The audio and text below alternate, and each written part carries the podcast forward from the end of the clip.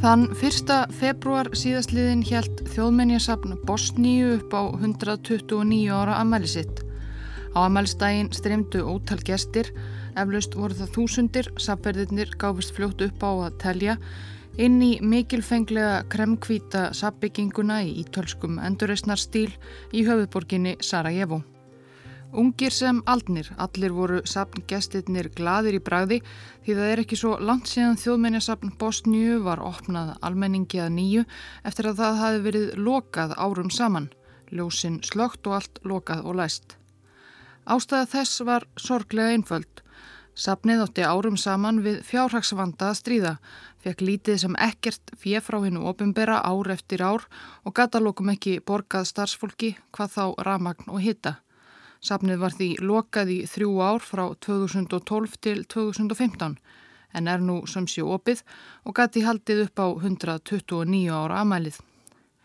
Langflestir amælisgestana vildu eflaust berja augum fágætasta greip sapsins, forn mun sem borið hefur hróður sapsins vítt og breytt um heiminn en jáfnframt svo að segja gert fjárhagsvandamál þess að alþjóðlegu fréttaefni. Þessi dýrmæti sapgripur sem fyrir aldarfjörðungi var treyður fyrir 700 miljón bandaríkjadali er geimtur í sérstöku herbergi á sapninu undir píramítarlöguðum styrtum glerhjúp. Það er gömul skrutta á stærð við ofurvenjulega harðspjaldabók dagsins í dag eða stóra kilju og í þinra lægi um 150 síður af þunnu viðkvæmu geitarskinni. En þó hún láta ekki mikið yfir sér í fyrstu andrá er hún gullfalleg þessi litla skrutta með mörgum litríkum myndum sem skreittar eru gulli og sylfri og hún á sér líka merkilega sögu en það er hún næri 600 ára gömul. En bókin er í augum gesta þjóðmennasapsins kannski ekki síst táknum einstakann menningararf borgarinnar þeirra, Sarajevo, fjölmenningarlegt og umburðarlind andrumsloftið sem rekja má aldir aftur í tíman Og svo kannski ekki síst þrautsegjuna sem gert hefur Sarajevo búum kleiftað þrauka, ótal, styrjaldir og stríð.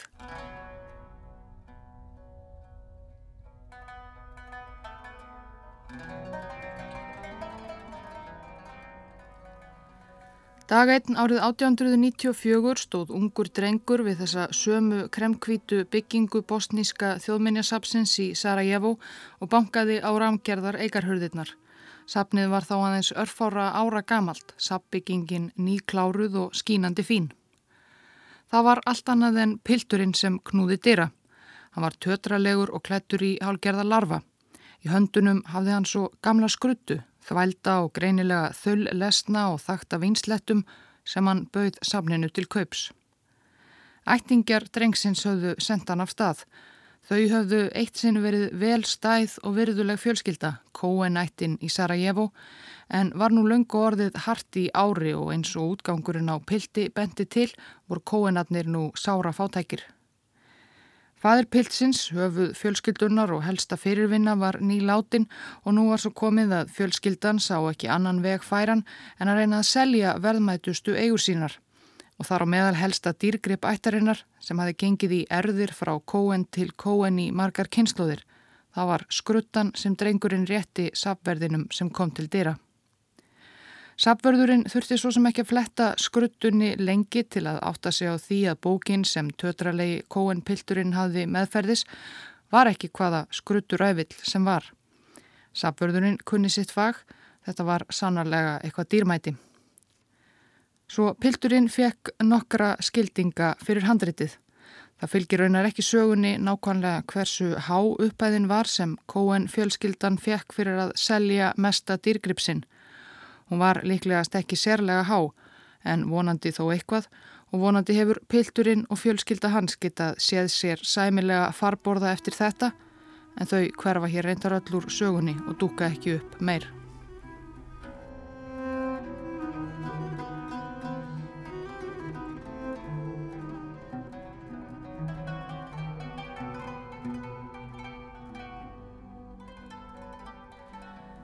Sarajevo og Bosnia öll tilherði á þessum tíma árið 1894 innu viðföma veldi Östuríki Ungverjalands og Habsborgara ættarinnar sem hafði hrifsað svæðið úr greipum ottoman Tyrkja einum 15 árum áður. Bókin var því sendt frá Sarajevo til höfuðborgar Hafsborgarana, Vínarborgar og helsta handrétafræðings á aðalsafninu þar. Sámaður var fljótur að staðfesta grunnsemdir kollega síns í Sarajevo um að það vælda skruttan sem drengurinn seldi safninu væri þrátt fyrir vinsletturnar ómetanlegur fortgripur. Þetta var frekar lítil og þunn bók, 140 eitthvað síður af þunnu geitaskinni en þegar litið var fram hjá rauðvinslettunum var hver síða annari glæsilegri með einstaklega litríkum lýsingum með litarefnum úr asúr og malakít skreitt með kopar og gulli. Og innanum myndirnar fingerðir hebreskir stafir sem sögðu söguna fræga þegar Móses leti gýðingana úr Egiptalandi, flóttan úr helsinu hjá Fará í gegnum Rauðahafið leiðina löngu til fyrirheitnalandsins. Svo frásögn er nefnd Hagata og gýðingar líta á það sem skildu sína að segja næstu kynnslóðana eins og segir raunar í Gamla testamentinu. Því er hefðin að fara með hana á hverju ári yfir setir hátíðarkvöldverðinum við upp af páskaháttíðarinnar. Þá, til að segja söguna og fylgja öllum þeim kunstarinnar reglum sem um þau hátíðahöld gilda, eru notuð sérstök haggata handrit sem oft eru ríkulega myndskreitt og glæsilega eins og tilefninu sæmir og slík handrit voru oft með dýrmætustu munum gýðingafjölskyldna á árum áður erðagripir sem gengu mann fram af manni millir kynnslóða. Sú var sannlega raunin með geitarskins handritið sem tötralegi pilturinn seldi þjóðminnarsafninu í Sarajevo.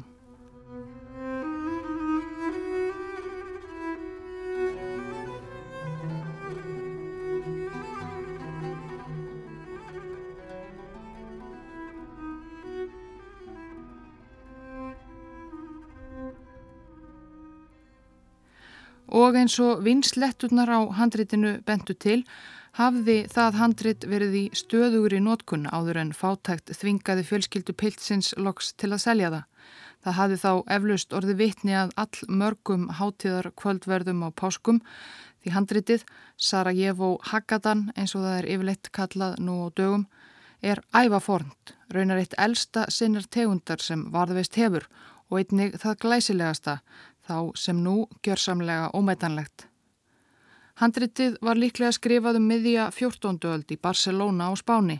Það verið uppaflega tilhert ríkri gýðingafölskyldu, ekki á allra valdi að láta skrifa og myndskreita svo glæsilegt handrit. Það hefur kostað sitt. Þetta var undir lok þess tímabils í sögu Spánar á tíma sem síðari tíma fræðimenn hafa nefnt La Convivencia eða kannski hinn friðsamlega sambúð upp á íslensku. Það er aldir á miðöldum eftir að múslimar lögðu undir sig stóran hluta Íberjúskagans og áður en kristnir menn, katholikar, rákus og múslimanna burt þegar múslimar, kristnir, menn og gýðingar lifðu á skaganum mestmægnis í sátt og samlendi hver þjóðin eða trúarhópurinn innan um annan. Hakata handritið í Sarajevo ber þessa fjölmenningarlega uppruna sín smerki. Litríkar, gildar og silfraðar lýsingarnar sem sína ímis atriði úr sögunni um flóttan frá Egiptalandi sem og gýðinga sitja við páskamáltiðina líkast helst þeim myndskreitingum sem finna má í kristnum salmabókum miðalda en aðrar skreitingar á síðum handritsins líkast heldur einhverjúr skrautlegum íslömskum fornritum.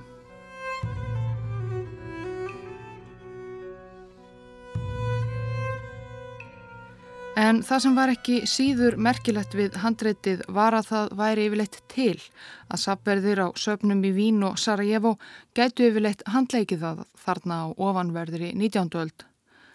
Árið 1492 höfðu kathólsku konungshjónin Ferdinand og Isabella sigrað Granada, síðasta íslamska ríkið á Íberjúskaga og rekið í kjölfarið alla gýðinga burt frá Spáni. La Convivencia friðsamlegu sambúðinni var þá með öllu lokið. 2000 spænskra gýðinga, þeir sem ekki vildu taka kathólska trú, rökkluðust frá Spáni og lendu á flakki um heiminn. Markir fóru til Portugal þar sem þeir fengu þó bara að vera í friði í nokkur ár. Því 1496 hermdi Kristinn konungur Portugala eftir spænskum kollegum sínum og gerði gýðinga einnig brottarekka og þá þurftu þeir að flýja lengra til Norður Afríku eða austur til landa Tyrkjaveldis þar sem þeir gáttu búið í meiri frið og ró, til dæmis til Sarajevo. Afar fá spænsk gýðingaritt og bækur frá því fyrir brottreksturinn hafa varðveist því hverskins trúaritt og trúarleir gripir voru miskunarlaust gerðir upptækir og eðilaðir. Víða um Evrópu gæti verið hættulegt að hafa gýðingaritt í fórum sínum á þessum tíma. Í Portugal til að mynda var það dauðasök að eiga bók á hebrisku. En einhvern veginn hafði Sarajevo handritið það af. Kanski hefur einhver gripiða með sér á flóta Vil hætt lífinu til þess að smíkla fagur skreittu ritinu frá spáni. Þó fræðimenn hafi lengi reyndað púsla saman langri æfisögu handreitsins er margt sem við vitum ekki enn og fáum liklega aldrei að vita. Það sem við þó vitum er að handritið hafði viðkomu í Fenegjum um 1600. Þar voru gýðingar skikkaðir til að búa á lítilli eigu, hefðu uppaflega gettó Fyrstu gýðingarnir sem byggðu gettóið í Fenegjum komu í byrjun 16. aldar frá öðrum Evrópulöndum. Síðar komu gýðingar frá Tyrkjaveldi og loks alda flótamanna frá Íberjuskaga. Það voru orðið þröngt á þingi í gettóinu. Byggingarnar þar voru þær hæstu á öllum Fenegjum því það var hverki pláss til að byggja nema upp.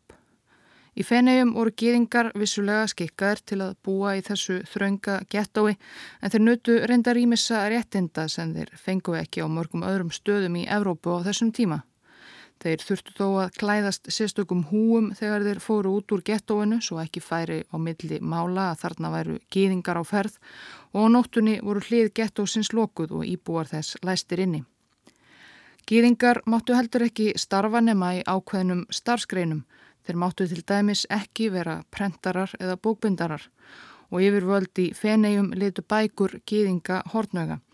Rítskoðundur rannsóknaréttar kirkjunar áttu að skoða allar hebreskar bækur og allar bækur sem hlutu ekki náð þeirra voru brendar á báli. Rítskoðundurnir voru miskunarlausir og þurfti yfirleitt ekki mikið til að þeir dæmdu rít á bálið. Hverskins trúvillur í augum kristina manna voru ekki vel séðar eins og að í að því að enn væri vona á messiasi að gaggrína dýrlinga eða, eða bara almennt jákvæð skrif um geðingdóm. Árið 1609 rannsakaði prestur að nafni Giovanni Domenio Vistorini Haggata handritið fyrir rannsóknaréttin. Við þekkjum nafn hans henn í dag því hann krótaði það í bókina þegar hann úrskurðaði hanna lausa við alla trúvillu og annan óæskilegan boðskap. Meira veitum við þó ekki um Giovanni Domenio Vistorini.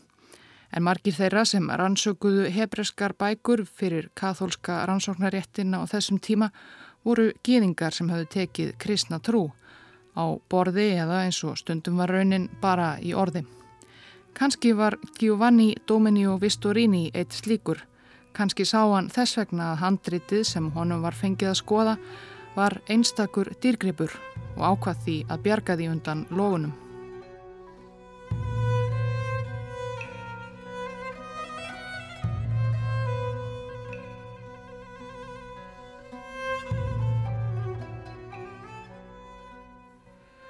Engin veit hvernig Haggata-handritinu farnaðist síðan í Fenegjum eftir þetta eða hvernig og hvers vegna það dúkaði svo loks upp í Sarajevo undir lok 19. aldar. Eins og fyrir segir hefur Cohen fjölskyldan sem seldi handritið 1894 týnst milli spjálta sögunar. Við vitum ekki hversu lengi hún bjó í Sarajevo, hversu lengi hún átti handritið, hvaðan þau eða það komu til borgarinnar. En eins og fyrir segir flúðu margir sefardískir gýðingar, en svo eru gýðingar frá Íberjúskaganum kallaðir, til Tyrkjaveldis og margir enduðu í Sarajevo, blómlegri verslunarborg í þjóðleið. Sama hvað þá er Sarajevo eftir vil hæfandi samastaður fyrir handritið. Borgin hefur verið kölluð Jérúsalem Evrópu vegna þess fjölmenningarlega samfélags sem þar hefur orðið til í gegnum aldeirnar.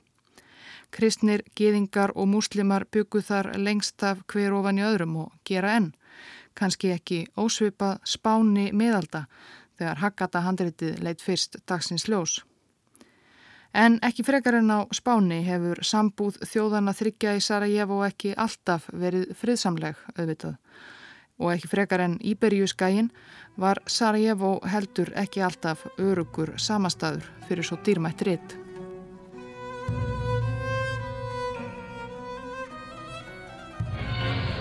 Einmarsch in eine bosnische Stadt. Setni heimstyrjöld. Þjóðverjar og bandamenn þeirra lagðu undir sig Júgoslavíu á orðfáum aprildögum árið 1941. Þíski herin helt innreið sína í Sarajevo 15. apríl.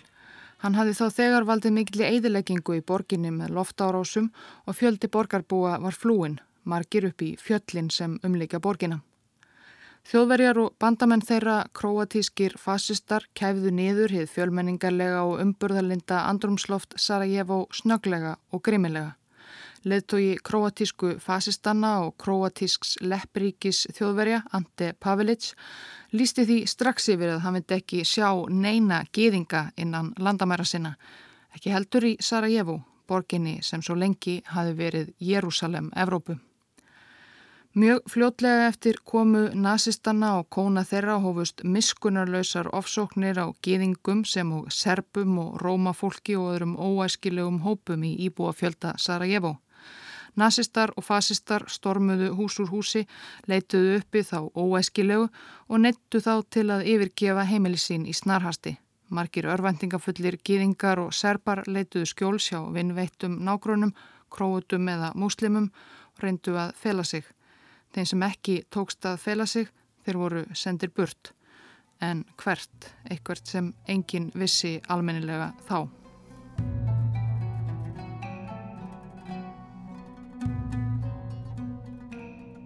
Og þessu fylgdi eigðilegging en meiri til viðbútar við það sem Sarajevo hafi þegar þurft að þóla í loftárósum og stríðsátökum.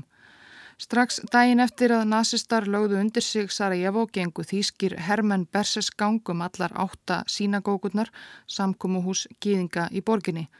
Skemdu og eigðilögðu og hafðu líka á brott með sér ímsar bækur og ritt. Þetta, þetta síðasta atriði, fór ekki fram hjá fjölmörgum fræðimönnum Sarajevo borgar. Nazistar söpnuðu list og fornmunum hvar sem þýski herin fór yfir. Það voru munir sem síðan eftir sigurinn í styrjöldinni sem Hitler og leðtóar þjóðverja sáuðu vitað fyrir sér áttu að fylla glæsileg söpn þriðaríkisins. Meðal annars fylltu nazistar heilu vöruhúsin með geðinglegum munum.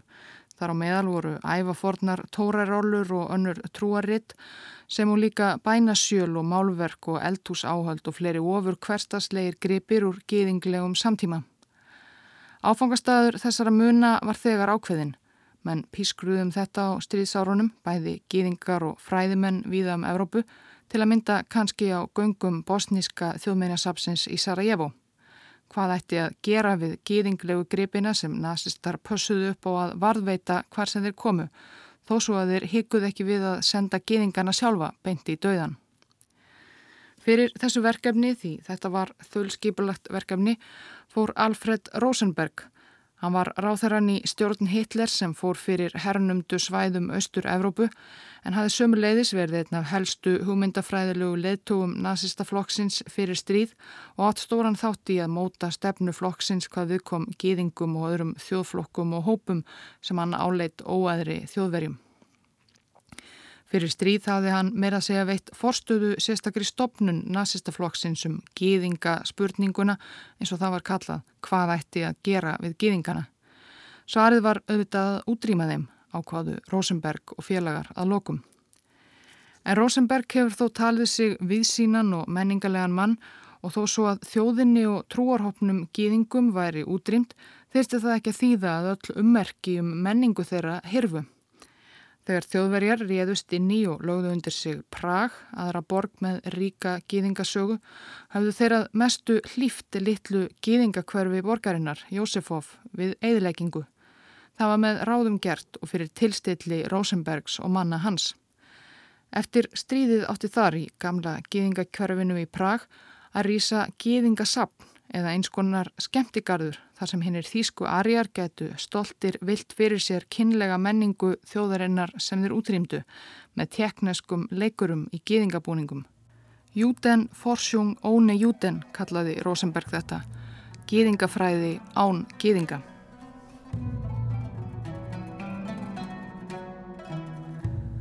Óvist er hvað ef eitthvað starfsmenn þjóðminjasapsins í Sarajevo hafi vitað af þessum fyrirætlunum þjóðverja þegar þeir réðust inn í heimaborg þeirra í april 1941. En það verður allavega engan veginn getað farið fram hjá þeim hvernig þjóðverjarnir fóru með gíðinglegan menningararf Sarajevo, hvernig þeir ruttust inn í sínagókur, eðilögðu sumarbækur og gripi og hrifsuðu til sín aðra. Og þeir starfsmenn Sapsins fóru að óttast um eigin gripi. Sapkosturinn endur speiklaði, gerði þá og gerir enn, hefur alltaf gert, fjölmenningarlegt samfélag Sarajevo og fjölskrúðuga sögu og meðal þeirra var fjöldi gýðingleira muna, trúarlegra og hverstagslegra en ekkert konst næri því að vera einn stýrmætt og 500 ára gamla geitarskins skruttan sem var lang merkilegasta eign sapsins, Sarajevo Hagatan. Það var hún sem sapverðinir óttuðst mestum þegar þjóðverjar heldu innreið sína í Sarajevo og það var hennar vegna sem þeim rann kallt vatn milli skins og hörund þegar loksins í byrjun 1942 að knúið var dýra í þjóðminnasafninu og á tröppunum stóð þýskur herfóringi í fjöllum skrúða. Herfóringin hétt Jóhann Fortner, hann var hersöðingi og hann baðum að fá að tala við sapstjóran sjálfan tafar löst. Sapstjórin var ekki sleipur í þýsku og þegar herfóringin byrtist leitaði hann því til aðal bókavarðarins á bókasafni þjóðminnasafsins sem hann vissi að væri mikil tungumálamadur og kynni meðal annars þýsku um að tólka fyrir sig á meðan þessi hátsetti gestur heimsótti safnið. Bókavörðurinn hétt Dervis Korkut. Hann var um 50, borin og bartfættur í Sarajevo og gamal gróinni mentaætt albanskra muslima, sjálfur mentaður í Istanbul og Sorbonn í París. Hann var sérfræðingur í íslömskum ritum og munum en almennt ástriðufullur áhuga maður um menningararf allra þjóðarbrotana og trúarhópana sem byggðu Sarajevo og hafðu gert í gegnum aldirnar. Hann var sjálfur fjöldtingdur og víðsýtna og vissanhátt eins og holdgerfingur þessar fjölsgrúðu borgarmenningar, ættið herramannslega til fara í jakkafötum og vesti og með velsnirt yfirvaraskegg og með rauðan feshatt á kollinum að hætti Tyrkja. Þrúandi andrumsloftið í borginni eftir komu nazistanna hafi heldur ekki farið fram hjá Dervis Korkut. Hann hafi þegar reytað greinar í blöð þar sem hann gaggrindi þessa nýju öldu gýðingaofsókna og hann hafi vafalítið orðið vittni að eða hirt af því þegar fasistar réðust inn í sínagókur, brutu þar allt og brömluðum. Hann grunaði því strax hvaða erindi þýskur hersöðingi geti átt við sapstjóran Þjóðminnesafnið átti um 200.000 bækur sem Korkut sem aðal bókavörður sapsins hafði yfir um sjón með. Og meðal þeirra var, jú, ein sérstaklega dýrmætt bók sem Korkut áleit skildu sína að vernda með öllum leiðum. Korkut var sérstaklega hrifin af Hakata-handritinu því það endurspeiklaði í hans sögum allt það besta við heimaborg hans Sarajevo, fjölbreytileikan og farsæla sambúð menningarheimana trúaritt geðinga ritað á Spáni sem hafi endað á Balkanskaga í umsjón múslima.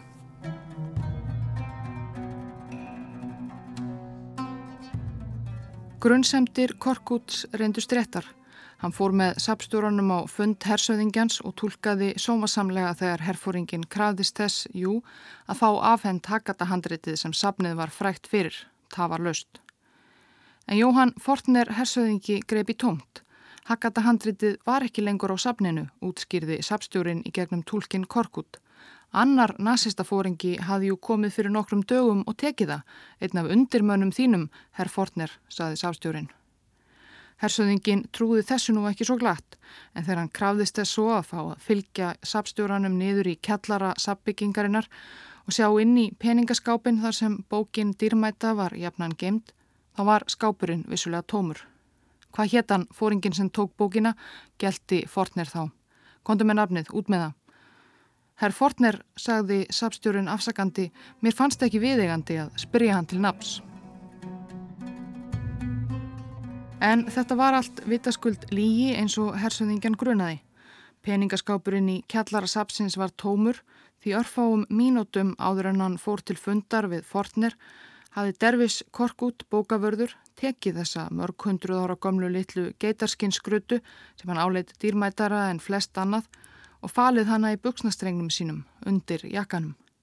Þar var hún á meðan hann tólkaði samræður sapstjórans og hersöðingjans. Nákvæmlega hér á getur hlustandi var lengi einn af þessum myrku óljósu köplum í langri sögu Hakatahandritsins Það fór eftir því hver sagði söguna hvað varðum handritið eftir að þýski hersöðingin stormaði reyður burt og dervis korkút bókavörður stóð eftir með ómetanlegt handritið innanklæða. Sögurnar um afdrif handritsins voru misdramatískar. Sangat einni frásögn faldi korkút handritið innan um önnur ríkfallin ómerkilegri riti hillum sapsins.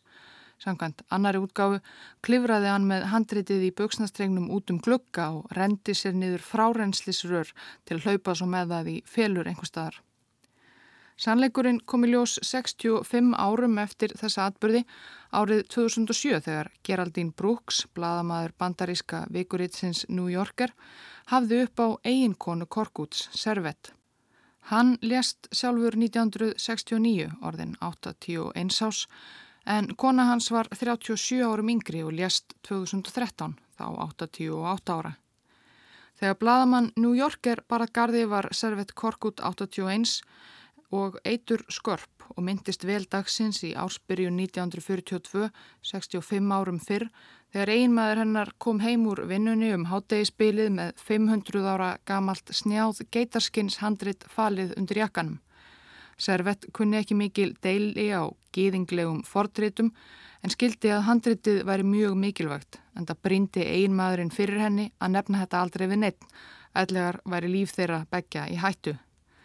Yfir háttegisverðinum þennan sama dag sagði Servett Korkut bladamanninum velti dervis maður hennar fyrir sér hvað hann ætti að gera við þetta dýrmæta og eftirsóta handrit, hvernig hann geti passað upp á það og tryggt að það lendi ekki í höndum þjóðverja. Eftir matinn tók hann ákverðun og síðdegis kerði hann af stað með handritið út á land í lítið fjallathorp Tresavitsa þar sem vinur hans þjónaði sem ímam í þorpsmóskunni. Þar í litlu bókasafni þessarar frekar lítilfjörlugu þorpsmósku faldi hann Hakata handritið innan um kórana og önnur íslömskrit og þar beigða til styrðisloka þegar Korkut sóti það og kom því aftur fyrir á sínum stað á safninu.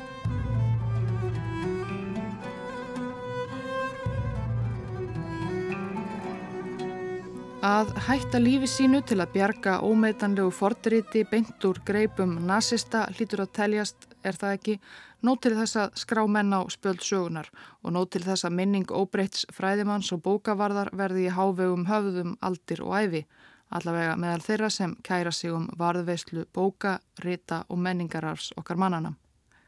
En Dervis Korkut, bókavörður á þjóðminnarsafninu í Sarajevo, hafði þegar hér var komið sögu reyndar ekki lokið hætudáðum sínum á heimstyrjaldarárunum. Geraldine Brooks, bladamæður New Yorker, komst einninga því þegar hún heimsótti ekkju hans á heimili hennar í Sarajevo fyrir áratug síðan, 2007. Þá komst hún að því að þessi ótrúlega saga sem hér hefur verið sögð af Hakata-handritinu var að mati hennar og ættingi hennar aðeins neðanmálsgrein við sögu korkút fjölskyldunar á styrjaldarárunum, neðanmálsgrein við miklu mikilvægari sögu.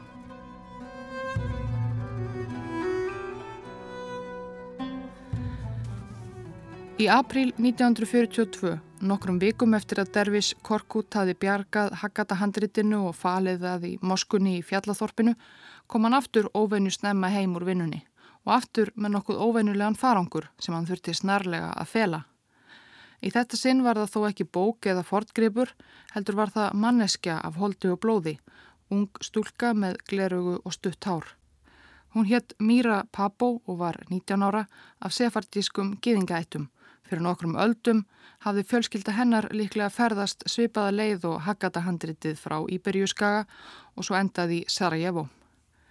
Gýðingarnir í Sarajevo voru flestir af lág eða millistjett, alls ekki sérstaklega velmegandi. Fadir Míru var húsförður í fjármálaráðunetinu. Þegar króatískir fasistar byrjuði að eldast við gýðinga í borginni var hann sendur í fangabúðir og þaðan snýri hann aldrei heim aftur. Sömu sögu var að segja af móður Míru en sjálf flúði Míra til fjalla þar sem hún gekk til liðs við hóp ungra síjónista sem börðust með skæruliðum Jósips Brós Tító gegn fasistum.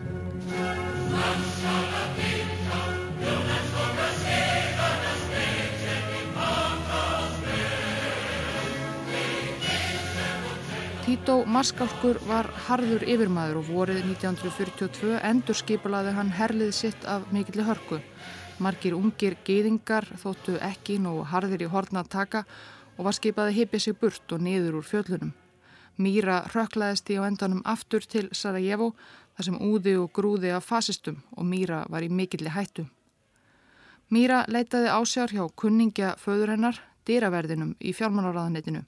Sá leitaði svo til kunningja síns sem hann vissi að væri bæði hugrakkur og úrræðagóður og umfram allt bæri hlýhug til gýðinga.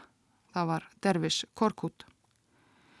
Míra Pappó var öll stríðsárin sem eftir voru í felum á heimili Korkútjónana. Þær servetturðu ágætis vinkunur enda á svipuður eiki. Þegar gesti barað gardi klættu hjónin mýru í slæðu og sögðu að þetta væri frænka servetur albönsku fjallathorpi kominn til stórborgarinnar að vinna. Og með þeirra hjálp liði Míra Pappo styrjöldina, ólíkt svo ótal mörgum gýðingum Sarajevo-borgar og Bosníu. Árið 1941 byggu í Sarajevo og bylnu 8 til 12.000 gýðingar. Í stríðinu voru þeir lang flestir, eða um 85%, sendir í fangabúðir eða myrtir. Eftir ósigur þjóðverja í heimstyrjöldinni var það að lókum skærulega leðtóin Tito sem hafi rekið Míru Pappo og hinn að ungu gýðingana úr liði sínu sem stóð uppi sem æðsti leðtói sameinaða kommunistaríkisins Júkoslavíu. Hann reyndist ekki mikið miskunnsamari þjóðarleittói og fyrstu árum valdatíðar sinnar tók hann hart á hverjum þeim sem grunaður var um að hafa unnið með nazistum eða fasistum á stríðsárunum. Þeir voru sakaður um stríðsklæpi og átti yfir höfði sér þungar refsingar. Hins vegar fengu þeir sem hafðu barist með skærulegðum hans það ríkulega launað. Þar á meðal var Míra Pappo sem eftir stríð fekk góða stöðu í sjúkraliði nýja júkoslavneska hersins og giftist herfóringja.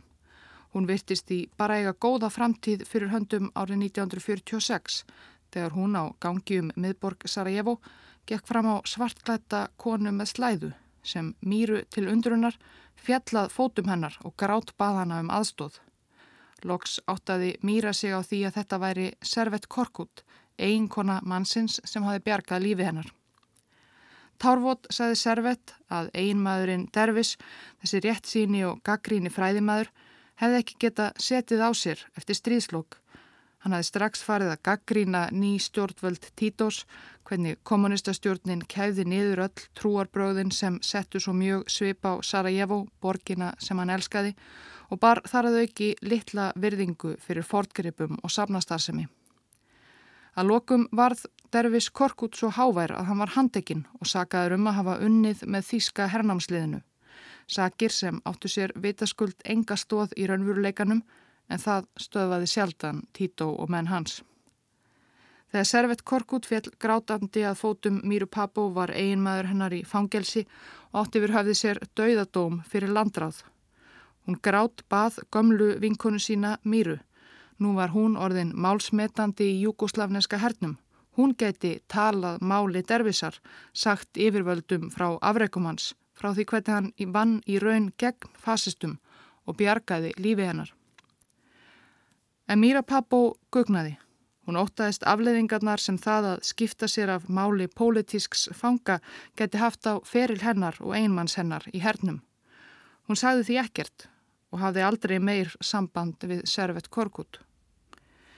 Í New Yorker greininni sem hér hefur verið vísar í kemur fram að alla sína æfi hafi Míra Pappo séð eftir þessum heigulskap, gert sér í hugarlönd að Dervis Korkut hafi verið tekin af lífi fyrir landráð, allt henni að kenna. Það var ekki fyrir mörgum áratugum síðar þegar hún var flutt til Ísraels að hún treysti sér loks til að kynna sér örlogans.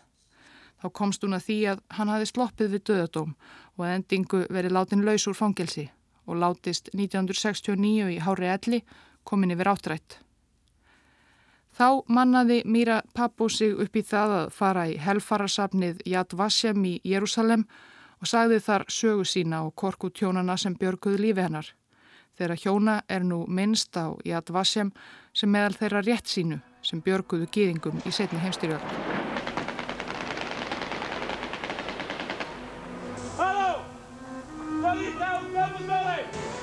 Heimstyrjöldinni lauk en hörmungum Sarajevo borgar var þó sannarlega ekki lokið.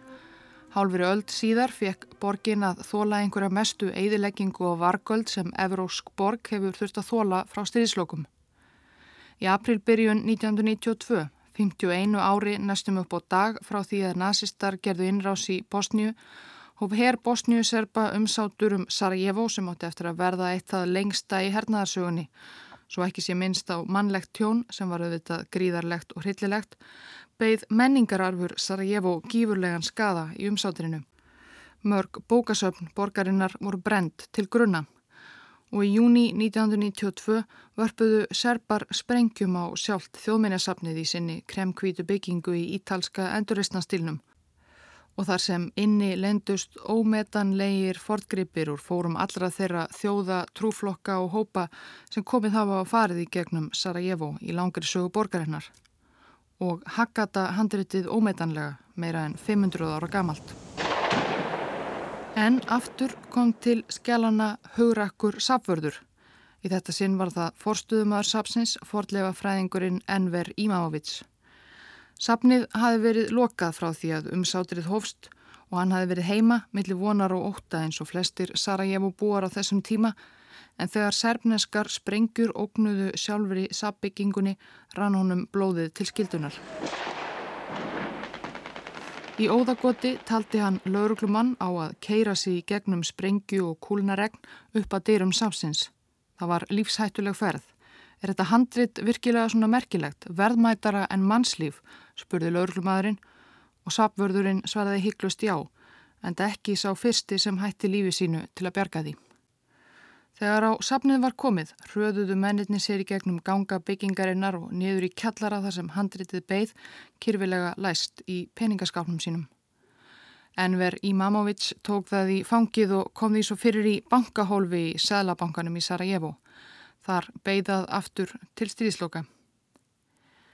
Nei, Enver Imamovic var ekki fyrsti maðurinn sem hætti lífi og límum til að bjarga þessari smágerðu geitarskins skrutu sem kendar við Sarajevo, en kannski vonandi sá síðasti. Það stedjar þó enn ógn að handritinu. Í þetta sinn er að þó ekki stríð sem ógnar því heldur frekar friður. Eftir friðarsáninga sem bundu enda á Bosníu stríðið tók við stjórn sambandsríkisins Bosníu-Herzegovinu þrískipt ríkistjórn Bosníu-Muslima, Króata og Serba. Stjórnarsamstarfið gengur oft á tíðum erfiðlega en það er margt sem þessu þríeiki kemur ekki samanum. Eins og til dæmis hver eigi að borga fyrir rekstur menningarstofnana ríkisins. Það vandamál reyndist óyfirstíganlegt og því fór svo að lokum að engin borgaði fyrir rekstur menningarstofnana ríkisins. Þjóðminnisafni Bosníu var í oktober árið 2012 á 124. starfsári sínu lokað. Það stóð af sér endalok Habsborgarveldisins, tvær heimstyrjaldir, ógnarstjórn Títós og Bosníustríðið en ekki fríðin sem því fyldi. Fyrr sama ár, 2012, hafði Ríkis listasafnið og landsbókasafn Bosníu einnig þurft að loka vegna fjárskorts. Starsmenn allra þessara sapna höfðu þó unnið mánuðum saman launalaust, oft í kulda og myrkri því þá voru heldur engi peningar til fyrir hitta og ramagni. Eftir lokunina buðust fjölmörg söpnum heim allan til þess að taka dýrmætasta sapgripin að sér, handreitið. En leðtógar gýðingasamfélagsins í Sarajevo þvertóku fyrir að bókin yfirgefi Sarajevo, jáfnvel þó að sjálft Ísraelsríki hefði rétt fram hjálparhönd. Í þrjú ár beigð 700 miljón dollara geitarskins skruttan á samt öðrum sapgrifum í læstri og myrkvaðri sapbyggingunni þar til sapnið var loks opnað aftur 2015. Það var ekki síst þauks ég ríkulegum fjárstyrk frá bandaríska sendiráðinu sem það var mögulegt. Síðar hafa borist styrkir frá Fraklandi og Európusambandinu til rekstursins en slíkt dugar þó ekki endalaust Þó að einhver framlög berist nú einnig frá hennu ofinbera er enn karpaðum rekstur þjóðmenjasapsins og annara sapna.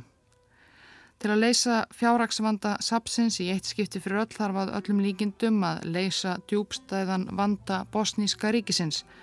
Það er ekki hlaupið að því en við hljótum að óska þess að það takist og geitarskins skruttan sem staðið hefur af sér 600 ár gýðingaofsóknir á spáni, rannsóknaréttin, sittni heimsturjöld og áralangt umsátur, hún fái að vera óhullt sem allra, allra lengst.